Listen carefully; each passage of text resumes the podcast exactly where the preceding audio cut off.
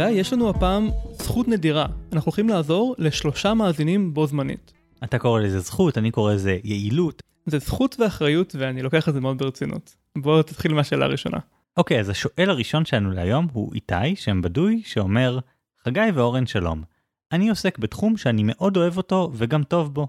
למרות זאת, אני לא מצליח לעלות על הגל ולהבריק שם או להביא את יכולותיי לביטוי. קצת מורכב כי אני עצמאי וכן הלאה. לאחרונה אני חושב הרבה אם לעבור לתחום אחר, שגם הוא תפור על מידותיי, אבל טרם הייתה לי שם דריסת רגל. מצד אחד, התמדה שיכולה להשתלם. מצד שני, אפשרות למשהו טוב יותר. אם נחדד את השאלה, מתי נכון לומר, נכשלתי ואני עובר לדבר הבא, או לא נכשלתי, אבל עדיין אני צריך להתקדם לדבר הבא. שאלה מצוינת איתי, ושאלה מצוינת שנייה ממיכל, ששואלת. אני בת 31, מסיימת תואר שני בתחום שלא בדיוק יוצא ממנו עם מקצוע ביד. עסקתי בעבר בשלל עבודות, והגיע הזמן לפתח קריירה שתהיה מעניינת וגם רווחית. ההתלבטות היא, האם לפנות ללמוד מקצוע חדש לגמרי, מה שכנראה ידרוש זמן, סבלנות וכסף, או להמשיך ולהתעמק בתחום הספציפי שקצת התמחיתי בו בשנים האחרונות. אני אוהבת המון דברים, ויש לי נכונות ללמוד, אבל קשה לי להחליט באיזה תחום לבחור. האם תוכלו לעזור לי? אשמח מאוד אם כן, וכאן היא הוסיפה אימוג'י של ידיים בצורת תפילה. זה נראה לי ידיים של עקיף, לא? ידיים של תודה? ידיים של משהו, אוקיי, סבבה. בכל מקרה, השאלות האלה מאוד דומות. אה, השאלה השלישית קצת שונה, הולכת למקום קצת שונה, אבל אנחנו ראינו איזשהו מכנה משותף בין כל השלוש. אז עמרי שואל, סיימתי לימודים אקדמיים והלכתי ליועץ תעסוקתי, שייעץ לי לתכנן את הקריירה שלי שבע שנים קדימה באופן מעורפל, עם כמה נקודות עיקריות, ואת השנתיים הראשונות מתוכן באופן יותר מדויק. אז צצו לי כמה שאלות. קודם כל, איך אני יכול לדעת שבאמת אוהב את העבודה אליה אני שואף להגיע? יש כל מיני מקצועות נוספים שאני חושב עליהם, אבל איך אני אדע מה מקום העבודה שאני הכי אוהב, אבל גם אהיה בו ממש טוב. כמו שיעצתם בפרק הראשון, עדיף להשתפר במה שאתה טוב בו מאשר משהו שאתה בינוני בו. ושאלה שנייה, איך אני יכול לתכנן באופן יעיל תוכנית של 7 שנים, במיוחד במקצוע שמשתנה באופן קבוע ודינמי ומבוסס על אנשים? מה קורה עם בלת"מים? מתי אני מפסיק לתכנן ומתחיל לבצע? ואיך אני יכול לדעת שאני בכיוון הנכון?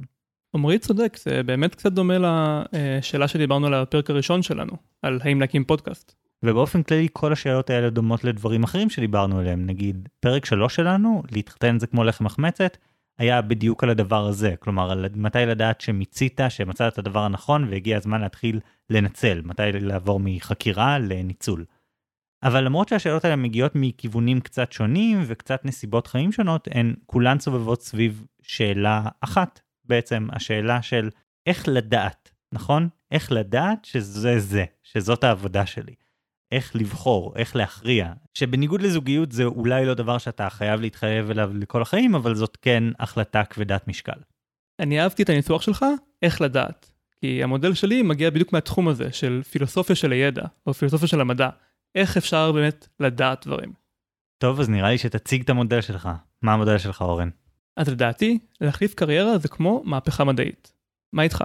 אז לדעתי, להחליף קריירה זה כמו מהפכה פוליטית. רגע, זה אומר שאתה בעד או נגד מהפכות?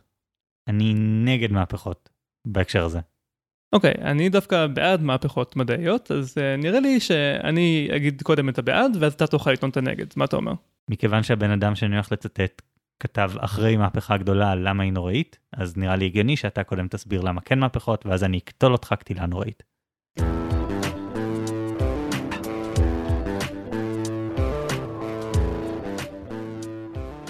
איתי, מיכל ועומרי.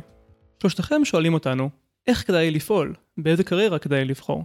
אני רוצה שתחשבו רגע על השאלה מזווית אחרת. לא שאלה של אסטרטגיה, אלא שאלה על המציאות. לכל אחד מכם יש בעצם תיאוריה. קריירה X היא הקריירה הנכונה בשבילי. ואתם רוצים לדעת אם התיאוריה הזו מתארת בצורה מדויקת את המציאות. אז במקום לשאול איך בוחרים קריירה, אני מציע לשאול איך בודקים אם תיאוריה היא נכונה. אז כדי לענות על השאלה הזאת, אני החלטתי לפנות לפילוסוף החשוב ביותר של המדע, איזה יופי שהחלטת להזכיר בפודקאסט את קארל פופר שאני מאוד מעריך ומאוד מחבב. אה, אז לא, לא התכוונתי לקארל פופר, זה נכון שהוא מקבל את כל התהילה, אבל אם אתם רוצים לדעת מה מדענים אשכרה עושים, הכתובת שלכם היא פילוסוף אחר בשם תומאס קון. מה, אבל קארל פופר הוא הבן אדם שנתן את הקריטריון ללדעת האם תיאוריה היא תיאוריה מדעית. חייבים להיות מסוגלים להפריך תיאוריה כדי שהיא תחשב תיאוריה מדעית. כל המדע היום פחות או יותר מבוסס על זה, זה הקו המפריד בין מדע לפסאודו מדע, אז מה, מה אתה מביא לי פתאום את קון? בעיקרון זה נכון, פופר בחור חשוב, אז אני אשים רגע בצד את קון ובוא נדבר על פופר, ואני אסביר איפה הוא עוזר ואיפה הוא בעצם לא עוזר בכלל. אז פופר. קרל פופר היה פילוסוף אוסטרי שהתרומה הגדולה שלו היא באמת אה, איזשהו כלי שאפשר לדעת באמצעותו אם תיאוריה היא מדעית או שהיא פסאודו מדע. אז אה, ניקח בתור דוגמה את התיאוריה שמיכל סיפרה לנו שיש לה, שהיא התיאוריה, קריירה בתור פרסומאית זו הקריירה הנכונה בשבילי. מה פופר היה אומר על זה? קודם כל הוא היה שואל, מה הופך את התיאוריה הזאת לתיאוריה על העולם ולא סתם מתפלספות באוויר? מה שהופך תיאוריה למדעית, לפי פופר, זה שאפשר להסיק ממנה מסקנות, שאת המסקנות אפשר להפריך. כלומר, תיאוריה מנבאת דברים, וכדי לבדוק אם זו תיאוריה טובה, בודקים אם הניבויים מתגשמים. אם הם כן מתגשמים, אז בעצם אנחנו עוד לא יודעים, אבל אם הם לא מתגשמים, אז הפרחנו את התיאוריה. ובעצם לפי פופר, התקדמות זה רק דרך הפרחה. זה רק כשמגלים, הנה עוד משהו שהוא לא נכון. אני לא יכול לדעת שמשהו הוא טוב עבורי, לצורך העניין, אם מתייחס לשאלות ששאלו אותנו, אבל אני יכול לזהות כשמשהו הוא רע עבורי, הוא לא מתאים לי.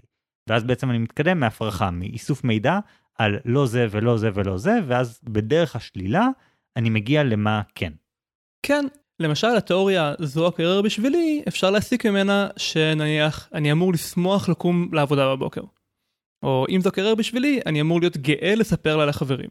או אני אמור להצליח באיזושהי משימה ספציפית, שאני אומר מראש שזאת נראית לי משימה חשובה, שאני אמור להצליח בה אם זו באמת הקריירה בשבילי.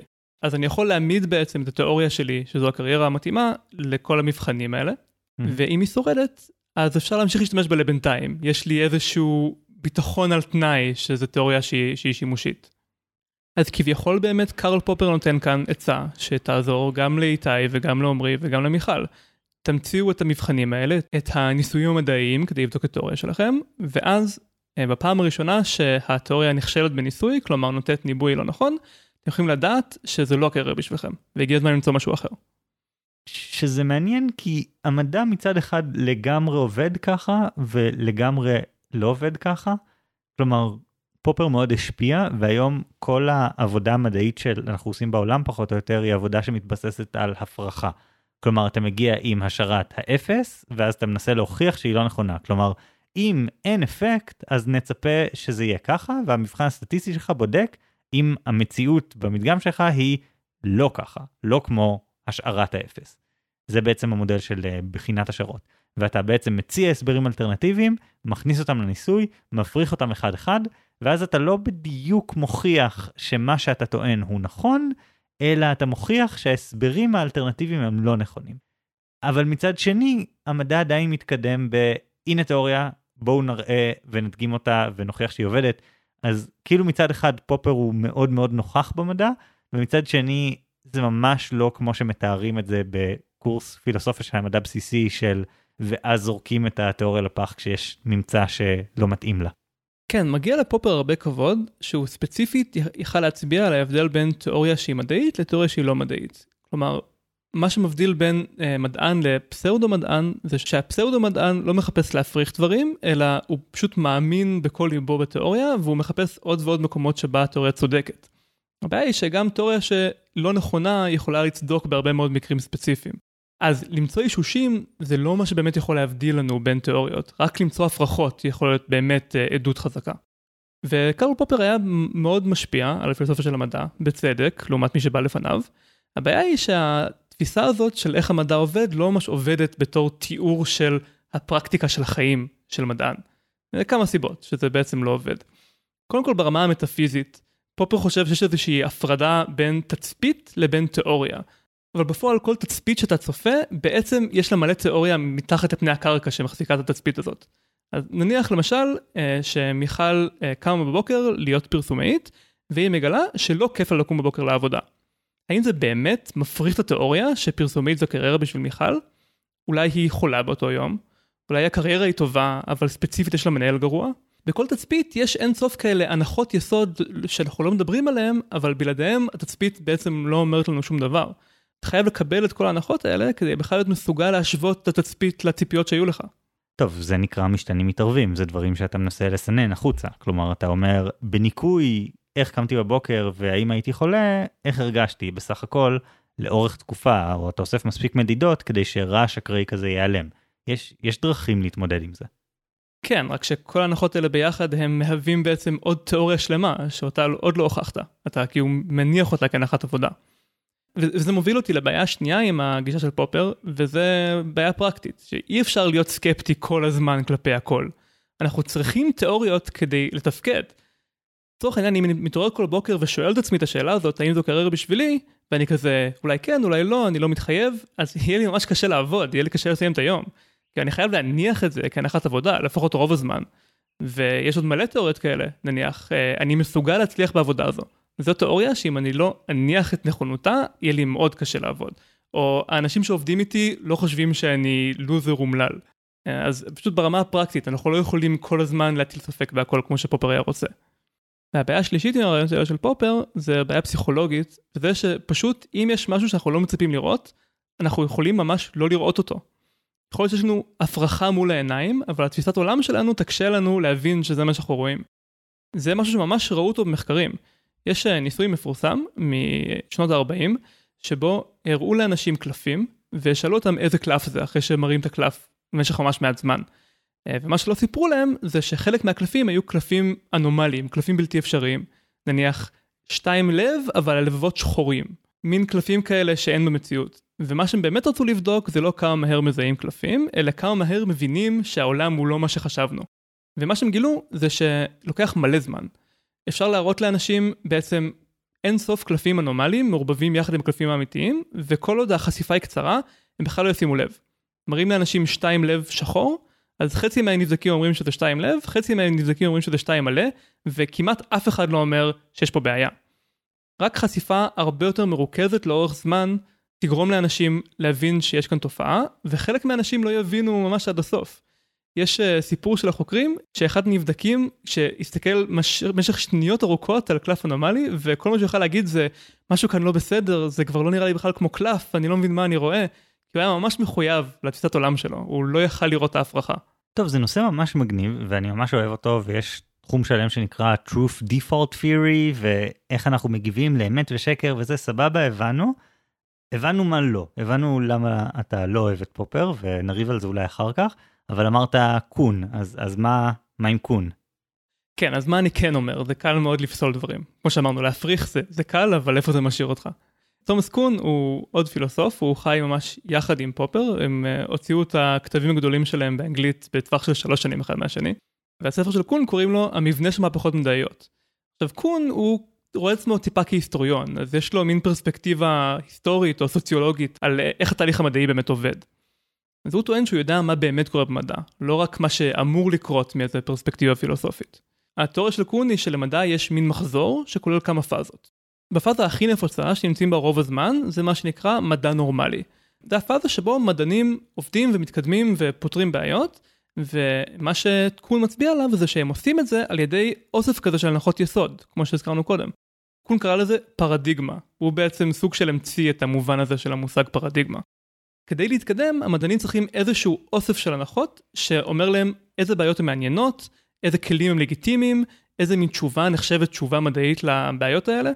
והאוסף הזה של הנחות, מה שנקרא פרדיגמה, זה הכלי שנותן להם לגלות דברים חדשים על העולם. נראה שדיברנו על פרדיגמה אחת באחד הפרקים הקודמים, על בהביוריזם. על זה שבעצם הייתה תקופה ארוכה שבפסיכולוגיה הייתה תיאוריה אחת גדולה, בהביוריזם, ואז בעצם הפסיכולוגים רצו וניסו ליישם בהביוריזם על כל דבר קטן בעולם. אז זה בעצם פרדיגמה? כן, זו דוגמה מושלמת. בהביוריזם זה פרדיגמה שאומרת, אם אתה רוצה להבין חיה מסוימת, אז תיתן לה איזשהו אינפוט ותבדוק מה האוטפוט, ואל תנסה לנחש מה קורה בפנים. מה שקורה בפנים זו לא שאלה מדעית בכלל. אז הכלים הנכונים הם מין קופסאות כאלה, שבה נותנים לחיות כל מיני גירויים, והתשובות הלגיטימיות זה איזה שהם דפוסים של איזה אינפוט מוביל לאיזה אאוטפוט. עכשיו זה לא הדרך היחידה לעשות מדע, והיום מעט מאוד מדענים משתמשים בגישה הזאת לחקר של חיות, אבל זה כן אפשר מלא התקדמות, וזה אפשר לנו לגלות מלא תופעות מעניינות על חיות. אז הפרדיגמה למרות שהיא לא נכונה, אני משתמש במילה הזו בערבון מוגבל, פרדיגמה לא נכונה, אבל היא כן מאוד עזרה לנו במשך מלא זמן. לא רק על חיות כמובן, גם על בני אדם, זו הייתה התיאוריה המובילה גם בפסיכולוגיה אנושית במשך הרבה מאוד זמן, חשוב לומר. נכון. או נניח בפיזיקה, יש את הפרדיגמה הניוטונית של הפיזיקה הניוטונית. אה, שאומר ש-F שווה MA ושהחלל זמן הוא, הוא אבסולוטי וכל מיני רעיונות כאלה. וזו הייתה פרדיגמה שלטת בפיזיקה במשך 400 שנה, ובזמן הזה היו מלא התקדמויות, גילינו אינסוף עובדות חדשות על יקום, למרות שבסופו של דבר, במאה ה-20, התיאוריות של איינשטיין פשוט הפילו לגמרי את הפרדיגמה של ניוטון, והיום אין אף פיזיקאי כמובן שמשתמש בה. יש הרבה מהנדסים שמשתמשים בה. כן, היא עדיין מועילה ככלי הנדסי, אבל היא כבר לא מניבה שאלות מעניינות למחקר מדעי. אז בעצם איך זה קרה? איך איינשטיין החליף את ניוטון? או איך הקוגניטיביים הדיחו את הביהביוריסטים בפסיכולוגיה. כן. אז אה, שאר הפאזות שכול מדבר עליהן, הן בעצם הפאזות שמובילות לפרדיגמה חדשה. הפאזה הראשונה היא משבר. מה זה אומר? בזמן העבודה המדעית, אז כאילו כל הזמן מגלים בעיות, ואז פותרים אותם, יש כל מיני תופעות לא מוסברות, ואז מסבירים אותם, זה בדיוק המדע הנורמלי. אבל יש בעיות מסוימות שקון קורא להן אנומליות, שזה בעיות שאיכשהו לא מגיבות טוב לפרדיגמה, שהפרדיגמה לא מצליחה להביא אותן לפתרון. עכשיו אם יש כמה כאלה בדרך כלל זה לא big deal, אנחנו נשים אותם בצד ונגיד אוקיי אולי מישהו אחר יפתור את זה, וברוב הפעמים זה באמת מה שקורה, מישהו אחר מגיע ופותר את זה. אבל יש תקופות שהאנומליות מצטברות והן מסרבות להיעלם למרות שמוכשרי המדענים מנסים לפתור אותם. וזה מצטבר תחושה של משבר. יש מין אווירה כזאת במדע שמשהו לא בסדר, משהו לא מתפקד. והמשבר יוצר את האווירה שמאפשרת מהפכה מדעית. מהפכה מדעית זה בעצם השם של קון למה שקורה כשמגיעה פרדיגמה חדשה ומחליפה את הישנה. למה מדענים מוכנים להחליף פרדיגמה? קודם כל הם כבר איבדו אמון בפרדיגמה הקודמת בגלל כל האנומליות האלה שיצרו משבר. והפרדיגמה החדשה מביאה איתה תחושה של תקווה. המדענים מסתכלים עליה ואומרים, אוקיי, אין לי עדיין את כל התשובות, אבל דרך הפרדיגמה הזאת אני מרגיש כאילו יש יותר עתיד. אני יכול לפתור יותר בעיות, גם אם זה עוד לא קרה. ובעצם אז חוזרים למדע נורמלי שוב. שוב לתקופה שהכל כרגיל עד שיש שוב משבר חדש. כן, אם הפרדיגמה החדשה באמת מצליחה לנצח, אז אנחנו עוברים לתקופה של מדע נורמלי, שבו אנחנו מפיקים מלא תועלת מהפרדיגמה החדשה, שהיא באיזשהו מובן טובה יותר מהקודמת. טוב, זה נושא ממש מעניין, אבל איך משתמשים בו כדי להחליט מתי הגיע הזמן להחליף קריירה? מה הנמשל שלך פה? תראה, קריירה זה בעצם סוג של פרדיגמה. הקריירה נותנת את המסגרת שבתוכה אנחנו מתקדמים. כלומר, אנחנו מאמינים באיזושהי דרך, נניח הדרך של להיות מתכנת, או להיות פרסומאית. ומתוך האמונה הזאת אנחנו בוחרים תפקידים ספציפיים, אה, לומדים כל מיני יכולות שאנחנו חושבים שיעזרו לנו ו- וכולי. ובמסגרת הקריירה הזאת, כן, יש לנו כל הזמן קשיים ובעיות, אבל אנחנו פותרים אותם במסגרת הפרדיגמה שלנו. יש לנו את הכלים ואת האמונות שפיתחנו כדי להתמודד עם הקשיים של חיי העבודה. זה בדיוק מדע נורמלי. אז התובנה של קון כאן היא שצריך להבדיל בין בעיה רגילה, של מדע נורמלי נקרא לזה, לבין אנומליה. שזה בעיה שפרדיגמה לא מציידת אותנו לפתור אותה. אז בעצם כשאתה מדבר על איתי ועל מיכל, אתה אומר, אתם צריכים לבחון האם יש לכם תקלות קטנות, כאילו דברים קטנים שלא מתיישבים, אתגרים, או שמדובר באנומליות, משהו שבאמת באופן מהותי לא עובד. איך יודעים את זה? כן, זה לא משהו שאפשר ממש לשים עליו את האצבע, זה משהו שמרגישים אותו. יש בעיות בפיזיקה שאף אחד לא פתר אותן 100-150 שנה, ואז בסוף פתרו אותן מתוך אותה פרדיגמה. אבל כשהם מתחילים להצטבר וכשמתחיל להיות בעיות שמרגישות לך כאילו ממש אנחנו אמורים לפתור אותן, אבל זה לא נפתר, אז זה הזמן בעצם לחשוב האם אני במשבר. ואז צריך להתחיל להטיל ספק בהנחות היסוד שלכם, שזה בעצם הקריירה שבחרתם, ולחפש פרדיגמה חדשה שתוכל לפתור את האנומליות. אני חושב שמשהו מעניין שעולה מזה, זה שאתה לא אמור סתם ללכת למשהו אחר, אלא הפרדיגמה החדשה או הקריירה החדשה צריכה לבוא מתוך תגובה לאנומליות. כלומר, אם אתה עושה את המעבר, אתה צריך לעשות את המעבר מתוך מחשבה על בדיוק מה לא עובד לך עכשיו, ולא סתם בוא ננסה משהו חדש כזה באקראי. כן, זה, זה הכוונה אחת, והכוונה השנייה היא לא לחפש משהו שהוא טוב יותר מיד. כשאיינשטיין החליף את ניוטון, אז בעצם היינו צריכים לזרוק לפח מלא פתרונות ניוטונים שהיו לנו, ולא היה לנו מיד תחליף, כי זה דורש מלא עבודה של מדע נורמלי בתוך הפרדיגמה החדשה. אז אם קופצים לקריירה חדשה, כנראה שמתחילים מלמטה, אין לך עדיין את כל היכולות, את כל הכלים, אז בטווח הקצר זה ייראה כמו ירידה. אבל צריך לשים לב שזה ירידה לצורך עלייה. כלומר, תבחרו קריירה חדשה שיש לכם תקווה בפוטנציאל שלה, שאתם אומרים לעצמכם, את היכולות האלה אני יכול לפתח, ואת ההישגים האלה אני יכול להשיג, יותר מאשר בקריירה הקודמת. טוב, תראה, אורן, נתת הרבה מאוד תשובות על איך אפשר לדעת שמשהו לא עובד. אז מה זה אומר, שאין דרך לדעת שמשהו כן עובד? שזה מה שעמרי שאל אותנו? אתה צודק, גם פופר וגם קון לא עונים על השאלה הזו של מאיפה מגיעים הרעיונות החדשים. אם החלטנו שמשהו לא טוב, אז לאן אנחנו אומרים לקפוץ? זה מין תהליך כזה מסתורי שמישהו מגיע עם רעיון חדש. עכשיו ספציפית עמרי דיבר איתנו אה, וסיפר לנו על איזושהי קריירה שהוא חושב שאולי יכולה להתאים לו. וזה אומר שיש לו את הפתרון של איזושהי השערה לבדוק אותה. וזה טוב, כי אחת התובנות החשובות של קון זה שחייבים איזושהי פרדיגמה כדי להתקדם. אי אפשר לעשות מדע בוואקום, לנסות דברים אקראיים ולקוות לקבל מזה איזושהי תובנה. גם פרדיגמה שהיא לא נכונה, כמו שדיברנו עליה, היא ממקדת אותנו. היא נותנת לנו את הכלים כדי להתקדם ולגלות עובדות uh, מועילות. אז uh, לעומרי הייתי אומר, אתה לא יכול לדעת אם הקריירה מתאימה לך עד שאתה מתחיל. ואז אתה מתחיל לצבור ניסיון ואתה מתחיל בעצם לעשות ניסויים, ואז אתה יכול להחליט מתוך איזשהו ידע. יש פה עוד בעיות. גם פופר וגם קון בעצם דיברו על תהליכים שמתרחשים על פני עשרות שנים, מאות שנים. אנחנו מדברים פה על חיים של בן אדם אחד. כאילו מהפכה מדעית זה דבר שקורה אולי פעם בכמה דורות. רוב המדענים בעולם ובהיסטוריה לא ראו מהפכה מדעית בימי חייהם. אז איך בעצם זה אמור להיות רלוונטי לבן אדם שצריך לקבל החלטה על קריירה מהיום למחר, מהשנה לשנה הבאה, לא לעשרות שנים? כן, לא בכל דור יש ניוטון או איינשטיין, אה, אבל אני מנסה כאן להטיל מהגדול לקטן, כן? אם בכל ההיסטוריה של המדע יש אה, מהפכה גדולה פעם בכמה מאות שנים, אז אולי בחיים הקטנים שלי יש מהפכה קטנטנה פעם בעשר שנים, עשרים שנה, והכמות ראיות שאני אוסף היא בהתאם. כדי לזרוק את ניוטון לפח הייתי חייב ראיות חד משמעיות שמשהו בניוטון לא עובד. כדי להחליף קריירה אני יכול להוריד את רף ההחלטה בהתאם. טוב, לא סיימתי עם הבעיות, יש גם עוד משהו שהגישה הזאת מתעלמת ממנו, שזה עיקרון שנקרא ה-happiness treadmill, אה, הליכון האושר. אה, זה בעצם איזושהי גישה בפסיכולוגיה שאומרת, יש לנו בעצם רמת אושר מסוימת שאנחנו בגדול מקובעים אליה, והניסיון שלנו כל הזמן לרדוף אחרי עוד עליית מדרגה ועוד עליית מדרגה, גורם לנו לרדוף אחרי איזה משהו שאי אפשר באמת להשיג, כי אם נזכה בלוטו, אחרי שנה אנחנו נחזור לאותה רמת האושר שהייתה לנו לפני זה. וההתעסקות הזאת היא מזיקה בפני עצמה.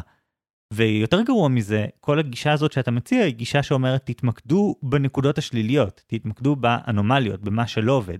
אז במקום להיות שמח בחלקך, במה שאתה עושה ומה עובד לך, אתה מתמקד בדברים הרעים, אז האושר בחיים שלך לא יתגבר, לא יגדל, ובעצם גם כשתעבור לקריירה הבאה, אתה תגלה שוואלה, מפתיע, גם הקריירה הבאה לא מגשימה 100% מהחלומות שלי.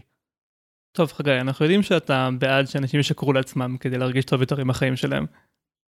אני לא מדבר על לשקר, אני מדבר על זה שיש דברים שאנחנו יודעים שמשפרים את ה-well-being, את התחושה הסובייקטיבית של טוב לי בחיים, ובדרך כלל לא דברים כמו לרדוף אחרי הג'וב הבא או משהו כזה, אלא למצוא את הדרך שבה מה שאתה נמצא בו עכשיו הוא יותר טוב לך, להשקיע במערכות יחסים, להשקיע בשיטות עבודה, לחפש את איך אתה מתאים את עצמך למצב שבו אתה נמצא ולא כל הזמן רודף אחרי מצבים חדשים. תראה, אני שמעתי על הרעיון הזה של ה-happiness treadmill, ומבחינה סובייקטיבית אני ממש לא מזדהה. אני החלפתי מקום עבודה בחיי, החלפתי בנות זוג, החלפתי עיר מגורים, ובכל אחד מהמקרים האלה הרגשתי שהיה לי אה, הבדל אמיתי וקבוע באיכות חיים שהרגשתי עם אותו רגע ואילך. אז אה, התיאוריה הזו לא משכנעת אותי. אני חושב שלמצוא את הקריירה הנכונה זה משהו ששווה להשקיע בו, גם אם זה כמה שנים של מפח נפש לצורך העניין. בדיוק כמו ששווה להשקיע ולמצוא את הזוגיות הנכונה, כמו שדיברנו בפרק 3. טוב, את הוויכוח על ה-happiness treadmill נשאיר לפרק אחר, אבל הדבר האחרון שאני רוצה לומר, זה שאתה בעצם מציע פה מהפכה, נכון? לחפש מתי הגיע הזמן למהפכה דרמטית. העניין הוא שלמהפכה יש מחיר מאוד מאוד כבד. אתה נותן איזשהו משקל למחיר הזה ואומר, בסדר, זאת ירידה לצורך עלייה, זה מה שאמרת קודם. אבל הירידה הזאת יכולה להיות דרסטית, היא יכולה לאבד לנו כל כך הרבה. מהפכות זה פשוט דבר מסוכן. מהפכות זה דבר הכרחי, אבל uh, בוא תנסה לשכנע אותנו.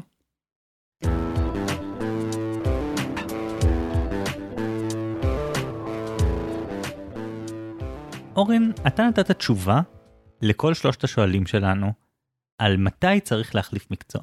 מתי צריך להחליף פרדיגמה, מתי הגיע הזמן למהפכה.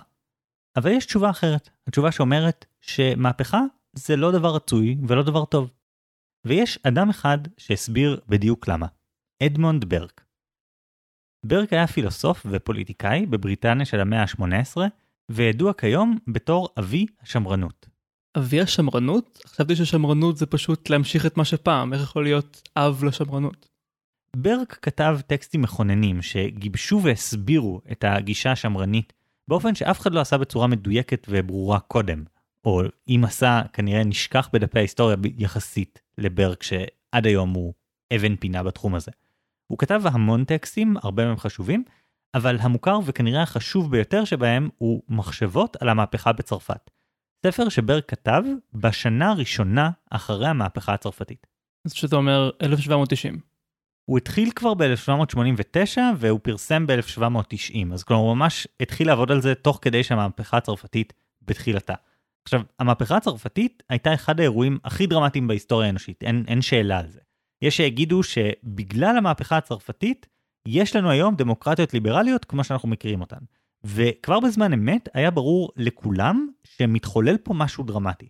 אבל היו הרבה מחלוקות מסביב לדרמה הזאת.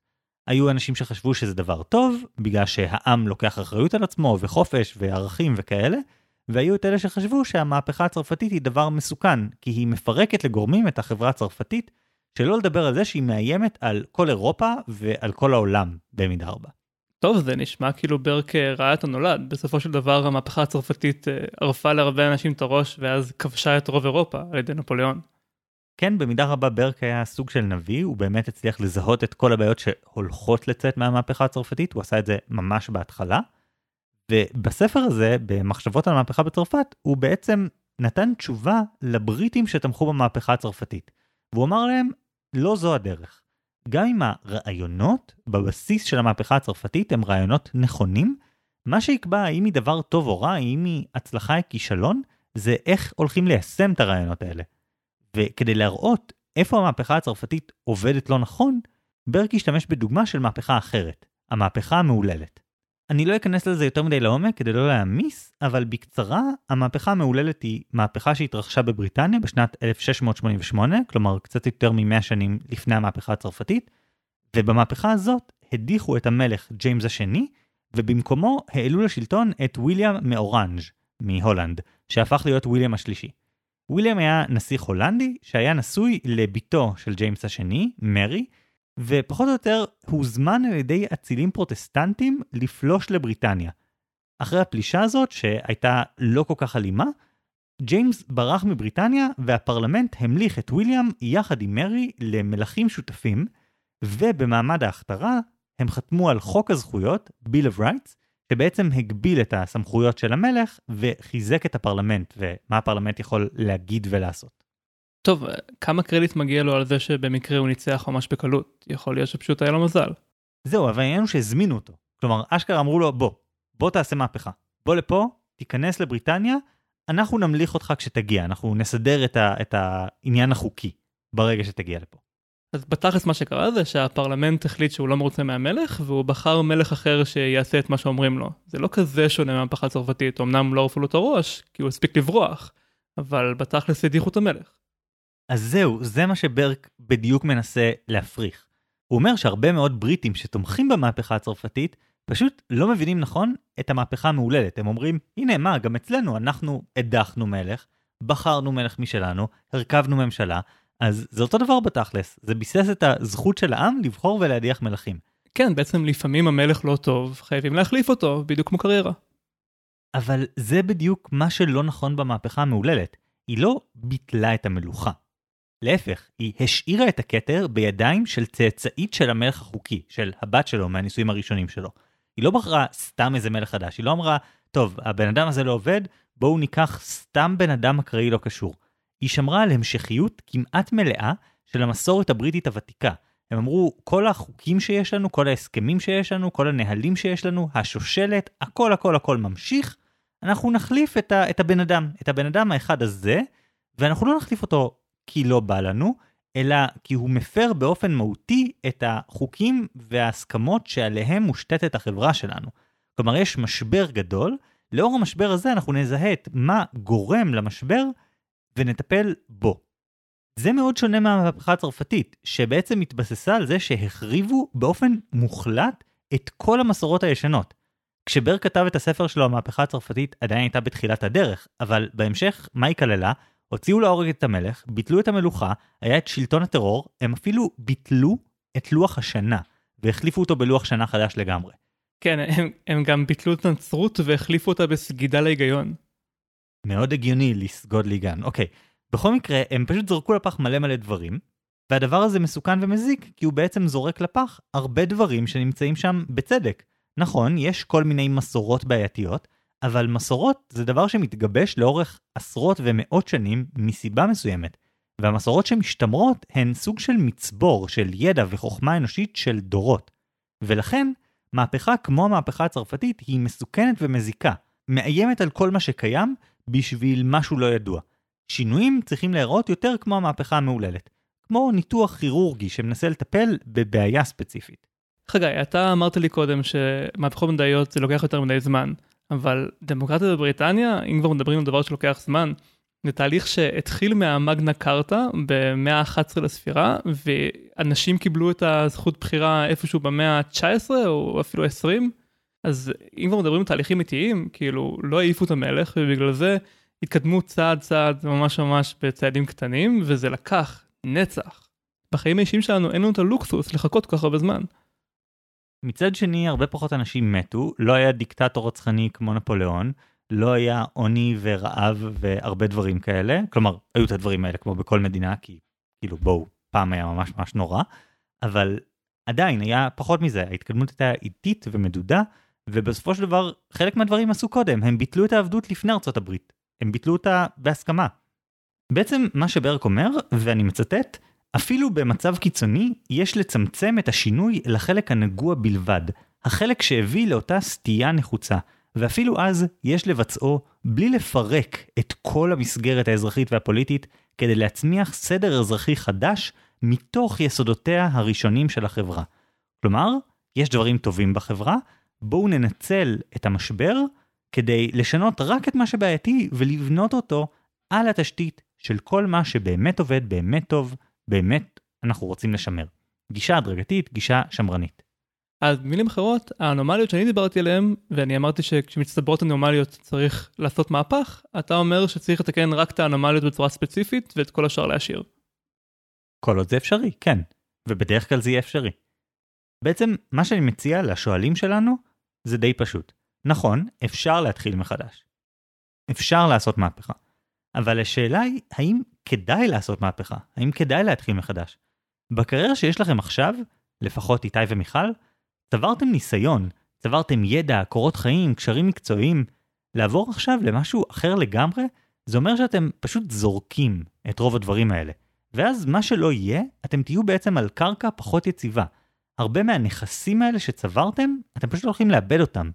הגישה הנכונה יותר היא, כמו שאמר ברק, גישה הדרגתית ושמרנית יותר.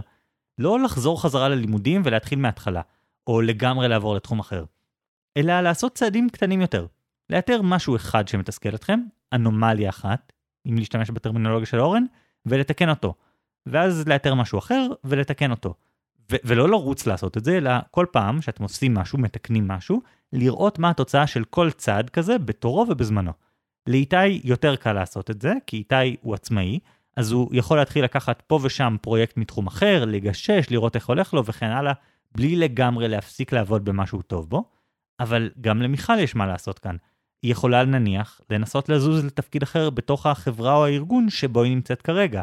היא יכולה להקים עסק קטן מהצד. כל מיני דברים כאלה.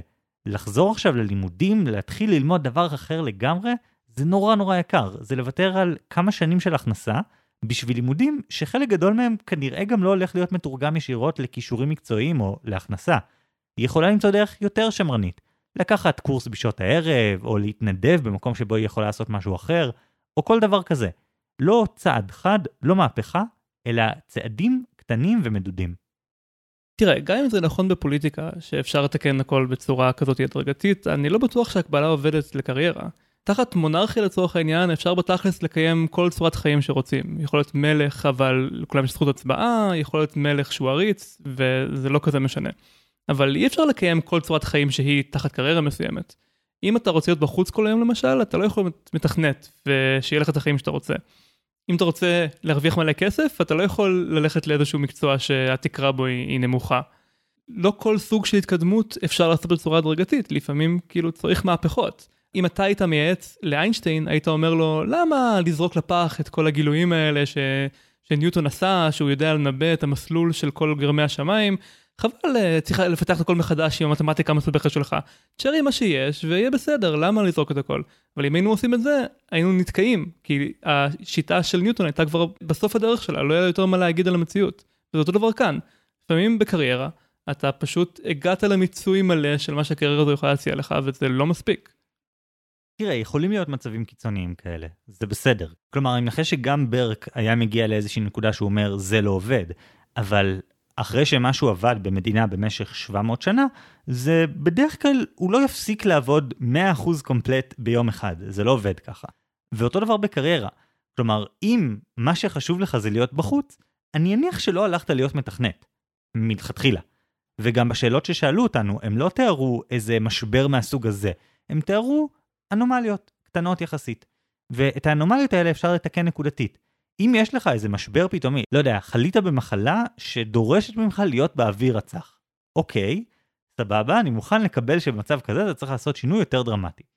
גם אז הייתי מציע למצוא אולי דרך אחרת, יכול להיות שאתה יכול פשוט לצאת יותר. יכול להיות שיש פתרונות אחרים, יש כל מיני דרכים להתמודד עם זה. אל תזרוק ישר הכל, קודם תראה מה אפשר לשנות. ומה עם עמרי? לעמרי אין איזה מסורת של 700 שנה, הוא, הוא עדיין לא בחר קריירה. אני הצעתי לו לבחור את הקריירה שנראית לו כרגע בסדר, ולהתחיל לצבור שם ניסיון, ולהחליט אם, אם הוא רואה שם את האנומליות או לא, ולפי זה להחליט. מה אתה מציע לו? אז תראה, עמרי נמצא בנקודה מופלאה. הוא בשלב שבו הוא יכול לקבל כל החלטה שהיא. אין לו עדיין את כל המסורות הישנות והניסיון הנצבר, שזה דבר שכמובן מזיק בדברים מסוימים, נגיד אתה תקבל פחות כסף ויהיו לך פחות אופציות ודברים כאלה, אבל הוא יכול לחפש את מה שמתאים לו. אז אני קודם כל אמליץ על משהו שגם אתה המלצת, להתנסות בכמה שיותר דברים בשלב שבו הוא נמצא. אם הוא עדיין לומד, אז להתמחות סמסטר אחד במקום עבודה אחד, ואז סמסטר נוסף במקום עבודה אחר מסוג אחר לגמרי. אה, לנסות להתנדב בתפקידים שונים, לשבת עם אנשים שעוסקים בדברים שונים מסביב לתחום שהוא מתעניין בו. רגע חגי, זה לא מה שאני הצעתי לו ואני לא חושב שזה רעיון טוב. כי אם הוא יעבור מדבר לדבר, הוא יסחוב איתו כל פעם את הפרדיגמה הקודמת, ואני חושב שהוא לא יצליח להתאפס אפילו. לא יהיו לו את הכלים כדי להבין באיזה מובן המקצוע החדש טוב או לא טוב. תראה, בשיחת רקע שלנו עם עמרי, הוא כן אמר שהוא מעוניין בקריירה במגזר הציבורי. במגזר הציבורי יש המון דברים לעשות. אתה יכול לעבוד מתוך משרדי ממשלה, מתוך הצד הפוליטי, מעמותות, מעיריות, יש כל כך הרבה מקומות ויש כל כך הרבה תפקידים. אתה יכול להתעסק ברגולציה וחקיקה נגיד, אבל אתה יכול להתעסק גם בדוברות ויחסי ציבור, או בביג דאטה. יש לך מלא דברים, הם כולם באותה פרדיגמה של מגזר ציבורי. אם יש לו עניין יותר ספציפי ב, לא יודע, מדיניות סביבתית והוא רוצה להתמקד במשהו כזה, אז, אז עוד יותר טוב. גם בתוך התחום הזה הוא יוכל למצוא הרבה דברים. אבל העניין הוא שכמעט בכל מקצוע חדש, בכל תחום, אם אתה מגדיר לעצמך איזשהו תחום רחב, יש לך הרבה דברים שונים לעשות שם. העניין הוא, מה שאני אומר, זה שאתה צריך לשים לב, עמרי, למה שאתה עושה כרגע. כי מה שאתה עושה עכשיו, הפעולות שאתה עושה עכשיו, ההזדמנויות שאתה תיקח עכשיו, הן מה שיהפוך בהמשך למסורות שלך. זה יקבע איזשהו חלק מהמסלול שלך. אני לא חושב שאתה יכול לנסות למקסם פה איזה תועלת מסוימת. אין שום דרך לדעת מה הקריירה הטובה ביותר בשבילי, כי אתה לא יכול עכשיו לעבור עשר שנים בעשר קריירות שונות, ואז לראות באיזשהו מדד ברור מה יותר טוב לך. אין, אין את האופציה הזאת. אני אומר שזה הזמן שלך להתנסות לפני שאתה מתקבע, לפני שנוצרת לך המסורת הזאת, כי אחר כך המחיר של שינוי יהיה נורא נורא גדול. בקיצור, איתי, מיכל, בזהירות, תנסו לראות האם אתם יכולים לעשות שינויים קטנים שיקרבו אתכם למה שאתם רוצים, למה שאתם צריכים, יענו לכם היותר צרכים שיש לכם, יטפלו ביותר בעיות שיש לכם, אבל אל תלכו כל כך מהר למהפך, למהפכה גדולה. זה כיוון מסוכן, ואתם לא בטוחים שאתם רוצים לשלם את המחיר הזה. עמרי, לך יש פה פריבילגיה, תנצל אותה, תהנה ממנה. יש לך את ההזדמנות לבחון הרבה דברים, אבל תזכור שבסופו של דבר כשתתחייב, יהיה יחסית קשה לשנות מקצה לקצה את מה שאתה עושה. אז מה שלא יהיה, אל תתחיל לעשות משהו בתקווה שהוא ישתלם לך עוד 7 שנים. תתחיל לעשות משהו ותוודא שהוא טוב לך כבר עכשיו.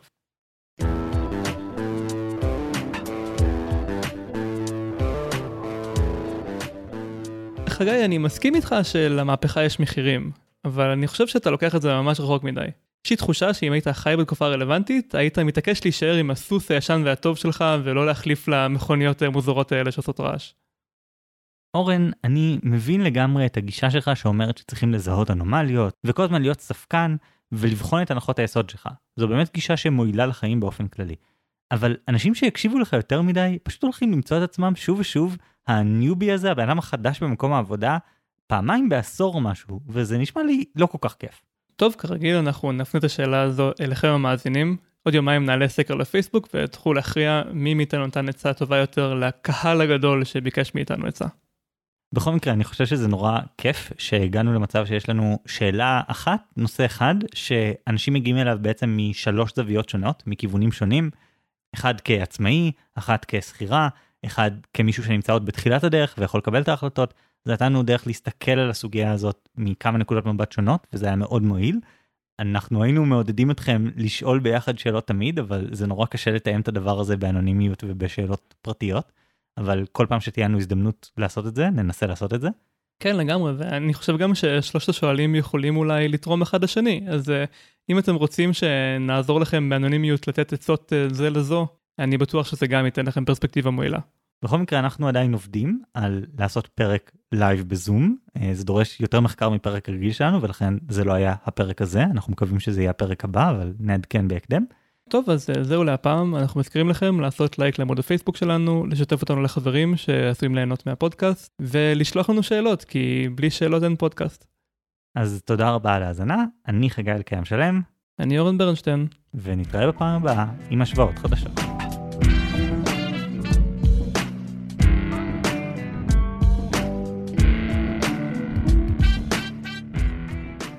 חגי, עשיתי זאת שוב. ניצחון שני ברצף לאורן. בהפרש הכי קטן בהיסטוריה של אסור להשוות, 56-44. נכון, 56% אה, הסכימו איתי שלשטוף כלים זה כמו לשמור את הבשר שלך בבטן של אחיך. נראה לי שלא ככה ניסחנו את זה בסקר, ואם היינו מנסחים את זה ככה גם בסקר, אז בטוח הייתי מקבל יותר קולות, כי זה מוזר. כן, עכשיו שאני חושב על זה, זה ניסוח קצת בעייתי. אה, בכל מקרה קיבלנו מלא תגובות ממש מעניינות. אפילו קיבלתי דיווח בפרטים ממאזינה שסיפרה לנו שבן הזוג שלה אמר, את תורידי זבל היום, אני אוריד לך סדרות בטורנטים, כי משבר הטילים בקובה. אז אני מרגיש שהשפעתי, אני לא יודע אם לטובה, אבל השפעתי על חיים של אנשים אמיתיים, וזה נורא משמח. בשביל זה אנחנו עושים את זה. בתגובות היה פה שרשור שאני רוצה לעבור על כולו, כי הוא מאוד מעניין. אה, מתנאל השפע כתב, מטלות הבית צריך להיפטר מהן תוך השקעת זמן וסבל מינימליים. אה, אם אתה רוצה לצפור קרדיט, תן לעצמך איפה שבאמת אפשר להעריך את זה. קנה איזו מתנה, תכין ארוחה מושקעת, תסדר לכם יציאה בהפתעה. זה קונה הרבה יותר קרדיט מאשר שטיפת כלים. אה, אבל אז מיכאל גורדין ענה לו, לא יודע, מתנה קטנה תזכה ממני לרמת גבה. אבל לשטוף כלים, כשלי אין כוח לזה, ממש ממש, והייתי אמור, וואו. ואילן דותן הגיבה לשניהם, מטלות הופכות לאחד החלקים המרכזיים בזוגיות, במיוחד כשיש ילדים בסביבה. בעיניי כדאי ללמוד להעריך דווקא את השוקות הקטנות. לאורך זמן, הן אלה ששפרו משמעותית את איכות החיים, לא המחוות החד פעמיות. זה ממש נכון. יש איזה קטע כזה שאם בת הזוג שלי מוציאה את הכלב כשלי אין כוח, או בימים שאני מקליט פודקאסט, או עושה כלים לפנים משורת הדין וחוסכת לי כמה סירים או דברים כאלה, זה ממש מחמם את הלב, זה ממש כאילו פותר משהו. ומתנות, טוב, אולי אצלי מתנות עוד יותר מחממות את הלב, אבל אני מבין איך זה שונה, איך כאילו יש משהו ב... דווקא להקל עליך במה שאתה אמור לעשות, בדברים שהם שלך, אבל אני ככה אפרגן, שזה כאילו איזה בוסט ענק לזוגיות. כן, וגם אילנה צודקת, שמשהו שעושים אותו כל פעם מחדש לאורך זמן הוא הרבה יותר משמעותי מאשר כל דבר שהוא חד פעמי. כן, לגמרי. והתגובה הבאה היא של ינאי סנד, שאמר, הצבעתי לאורן כי אני אוהב ציטוט של ג'סטין מקלרוי, שאמר שבמערכת יחסים בריאה, כל צד חושב שהוא עשה 60% מהעבודה. אתה אמור לרצות לפרגן לשותף או לשותפה שלך קצת, אבל גם לא להרגיש נדפק, ובעיקר, אתה לא רוצה לספור ולעשות משא ומתן כל הזמן. ואני מאוד מסכים עם הרעיון שאנחנו צריכים לשמוח מההזדמנות לעשות מטלות כדי לשמח את השותפים והשותפות שלנו. אה, אני גם מאוד אוהב את ג'סטין מקלרוי, אני מאזין קבוע של הפודקאסטים שלו, זה קצת מצחיק להביא אותו בתור סמכות, אבל אה, תכלס יש בזה משהו. אור טוטנאור כתב לנו שלדעתו חלוקת המטלות צריכה להיות לפי חגי, אבל ביצוע המטלות לפי אורן. אני אוהב את זה, זה נוסחה יפה. כן, זה רעיון ממש טוב. כלומר, ההסכמות הן בגישת כל אחד ישלם את הכי מעט, אבל ביום יום תתנהלו בלארג'יות. גישה ממש טובה. זה דומה למה שינאי אומר, שבעצם uh, תתחילו מ-50-50, אבל אז כל אחד מפרגן עוד קצת. זה ממש חמוד, אני אוהב את זה. ולילך קורן אומרת, אני חושבת שהדרך של חגי יותר קלה ליישום מאשר הדרך של אורן. הגישה של אורן מדהימה לכשעצמה, אבל היא מצריכה שינוי מחשבתי עמוק. ומה לעשות? בני אדם הם אגוצנטרים וקטנוניים. יותר קל למצוא אינטרס משותף או משהו שקל לוותר עליו, מאשר להגיד, טוב יאללה, אני אעשה את הדבר הזה שאני ממש שונא, מבלי לצפות לתגובה, כי אני אוהב את בן או בת הזוג שלי. כי אם ההערכה הזו לא תגיע במידה שאנחנו מצפים לה, אה, זה רק יעמיק את הכעס. תראי, אם את לא מוכנה לעשות את השינוי המחשבתי כדי שיהיו לך חיים טובים יותר, אז זה, זה עלייך. אני חושב שכולנו עושים את השינוי הזה, אני חושב שמה שאור אמר הוא פשוט די מדויק. אנחנו מחלקים את המטלות, או אמורים לחלק את המטלות באיזושהי גישה שתואמת את מה שאני אמרתי, ואז עם הזמן, בטח במערכות היחסים הכי טובות שאני מכיר, כולם לומדים שלארג'יות זה שם המשחק, שפשוט לפרגן עושה לכולם, גם, גם למפרגן וגם למפורגן, לכולם זה עושה יותר טוב, וכמו שאתה אמרת, זה מייצר חוב הולך ותופח שבאמת מועיל לכולם. אז אולי בגלל זה היה כזה קרב צמוד בסקר, כי בעצם העצות שלנו כל כך מתאימות אחת לשנייה. הן עונות לחלקים שונים בתהליך. טוב, אה, נמשיך אה, לספרים שקראנו. אה, חגי, בוא תספר לנו. אז קודם כל קראתי את מחשבות על המהפכה בצרפת, שאלוהים ישמור איזה ספר קשה לקריאה. הוא כתוב כמכתב, זה היה קטע באותה תקופה, הוא, הכל כתוב בנוסח שכנראה נכתב לאדם ספציפי, וזה ממש טרחני. כאילו יש שם נקודות טובות, אבל הסגנון כתיבה מעצבן, אולי זה התרגום. התרגום נראה לי פשוט ניסה לשמור על המשלב הלשוני של המקור ועל הסגנון, במקום לשמור על המשמעות, והתוצאה היא משהו די דחוס. מצד שני, זה עדיין מרתק. אבל משהו אחד חשוב, אם אתם הולכים לקרוא את זה, ותכלס כן, אני ממליץ לקרוא את זה, קודם תיסגרו על מה שקרה בהיסטוריה לפני זה. אם אתם תיכנסו לזה בלי לפחות לראות כמה סרטוני יוטיוב על המהפכה המהוללת ועל המהפכה הצרפתית, אם לא תעשו את זה אתם פשוט לא תבינו על מה הוא מדבר, הוא פשוט נכנס ישר לעומק הקורה, והוא אומר, כמו שכולנו יודעים שקרה, ולא ידעתי, אז לקח לי זמן להשלים את כל הדבר הזה. אבל בכל מקרה, ספר מאוד מומלץ. האמת היא שאני די מעריץ אותך שהעזת לקרוא ספר מ-1790. אני לא חושב שהצלחתי לצלוח ספר שנכתב לפני 1950 אולי, אין מה לעשות, השפה משתנה, הסטנדרטים משתנים. בגלל זה בדרך כלל אנחנו מעדיפים לקרוא כזה ספרים שנכתבו לאחרונה ונותנים סקירה של הנושא, במקום ממש ללכת ישר ל primary sources, אז אה, כל הכבוד. תראה, מצד שני שנינו קראנו ביחד את סאן דזה ואת מקיאוולי שאלה טקסטים, אחד מהמאה ה-16 ואחד ממש מזמן, לא יודע מה כמה מזמן. אז יש יוצאי דופן. יש יוצאי דופן, יש סיבה שעדיין קוראים את אה, אומנות המלחמה, אבל לא אף ספר אחר שנכתב 200 שנה לפני ואחרי.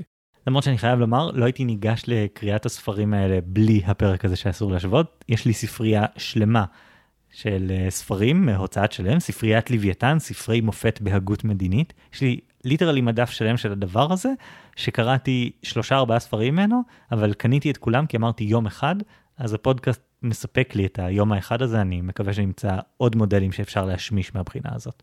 אה, יפה, אז אה, מאוד קראת. אז יש דברים שלא קראתי במיוחד לפרק הזה, אבל ממה שאתה העלית, הם נהיו לי נורא רלוונטיים, וקודם כל דיברתי על הנושא של Truth Default Theory, שזה בעצם הגישה שאומרת שאנחנו, כשאנחנו מסתכלים על העולם, הנטייה שלנו היא לקבל את כל מה שמופיע מולנו, את כל מה שאומרים לנו כאמת, ורק הצטברות מכריעה ודרמטית של ראיות מנוגדות, יגרמו לנו לשנות את דעתנו, שזה מאוד תואם לחוויה שלי. אז יש שני מקורות שאני ממליץ עליהם בהקשר הזה. אז אני נחשפתי לרעיון הזה קודם כל במחקר, במחקרים שהאמת שנראה לי התייחסנו לחלקם פה ואני לא אכנס אליהם. אני רוצה לשלוח אתכם לספרים ולא מאמרים. הספר אחד נורא מעניין על הגישה הזאת, זה ספר די חדש של מלקולם גלדוול, שאני לא אוהב את רוב הספרים שלו, אבל את הספר האחרון שלו, Talking to Strangers, לדבר עם זרים, תורגם לעברית לפני איזה חצי שנה. הספר הזה מאוד מומלץ, הוא מתעסק בין השאר בדבר הזה ובלמה אנחנו מוכנים שיעבדו עלינו, נותנים לאנשים לעבוד עלינו, למה אנחנו לא יודעים לזהות שקרים.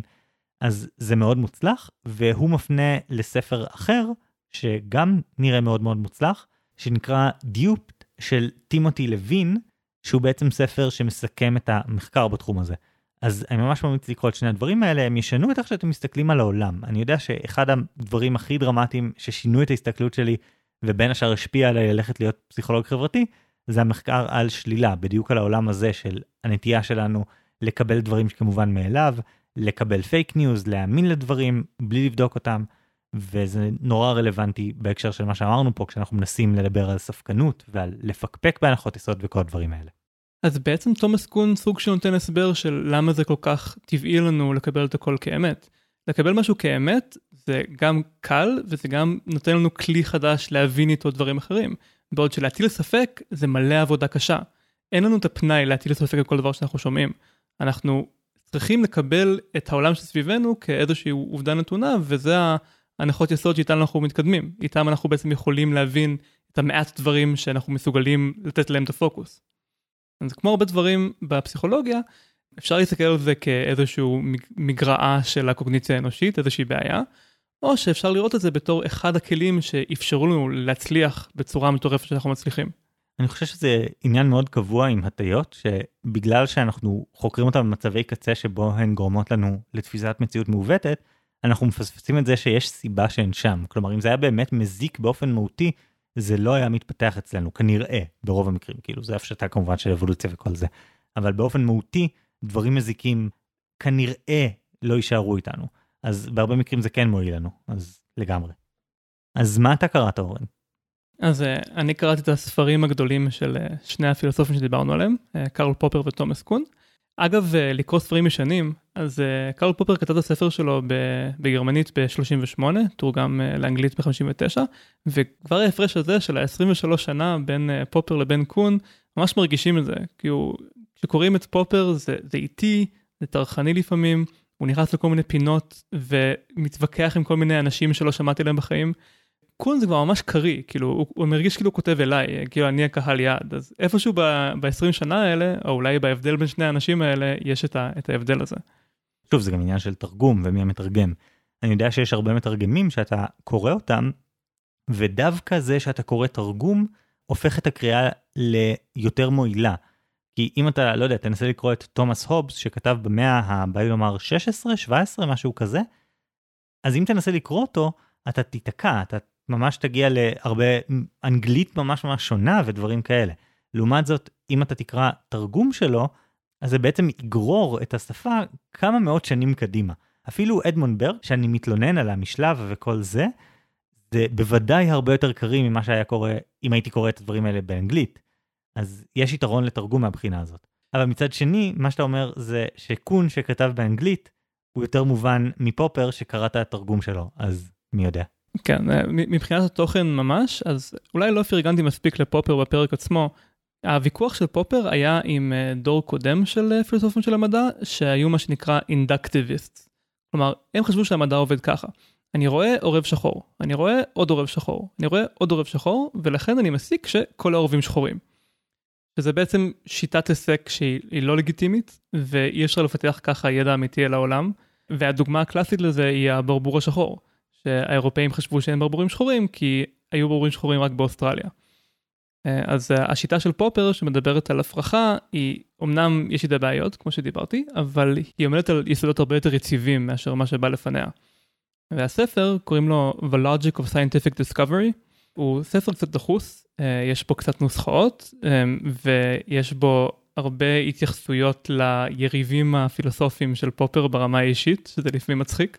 אבל הוא שווה קריאה בתור כזה ארטיפקט היסטורי של אה, נקודה ש... שחלפנו על פניה בדרך להבנה מלאה יותר של המדע. מצד שני, הספר של תומאס קון, אה, המבנה של מהפכות מדעיות, The Structure of Scientific Revolutions, הוא ספר מדהים. אני חושב שהייתי ממליץ עליו בטופ 10 ספרים לקרוא, אם אתם הולכים לקרוא רק 10 ספרים בחיים שלכם.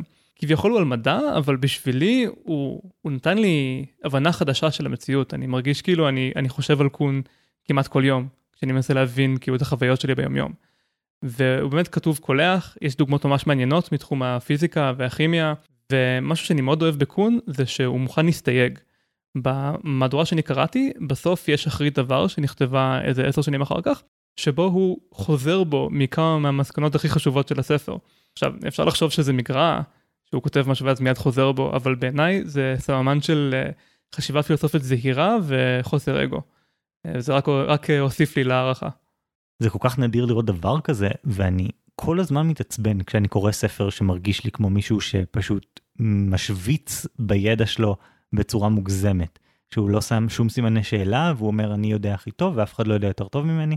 אני התלוננתי על זה לדעתי בפרק האחרון שלנו על אחד הספרים שקראתי, שהוא כתוב ככה וזה מחרפן אותי, שזה פשוט לא נעים לי לקרוא. אני רוצה אנשים עם צניעות אינטלקטואלית. אז בדרך כלל אני קורא ספרים לפי הפרק, אה, את אה, מבנה של מהפכות מדעיות קראתי עכשיו פעם שנייה, יש לי אותו כבר בספרייה, ואני פשוט ממליץ עליו בלי, בלי שום קשר לכלום, לכו תקראו אותו. טוב, אז אני אוריד אותו מהמדף בספרייה שלי ואעשה מאמץ לעבור את עמוד 70, אני לא יודע למה זנחתי אותו אז, לפני איזה שבע שנים כשהתחלתי פעם ראשונה. טוב, אז אה, זהו להפעם, אני אורן ברנשטיין. אני חגי אלקיים שלם. ביי.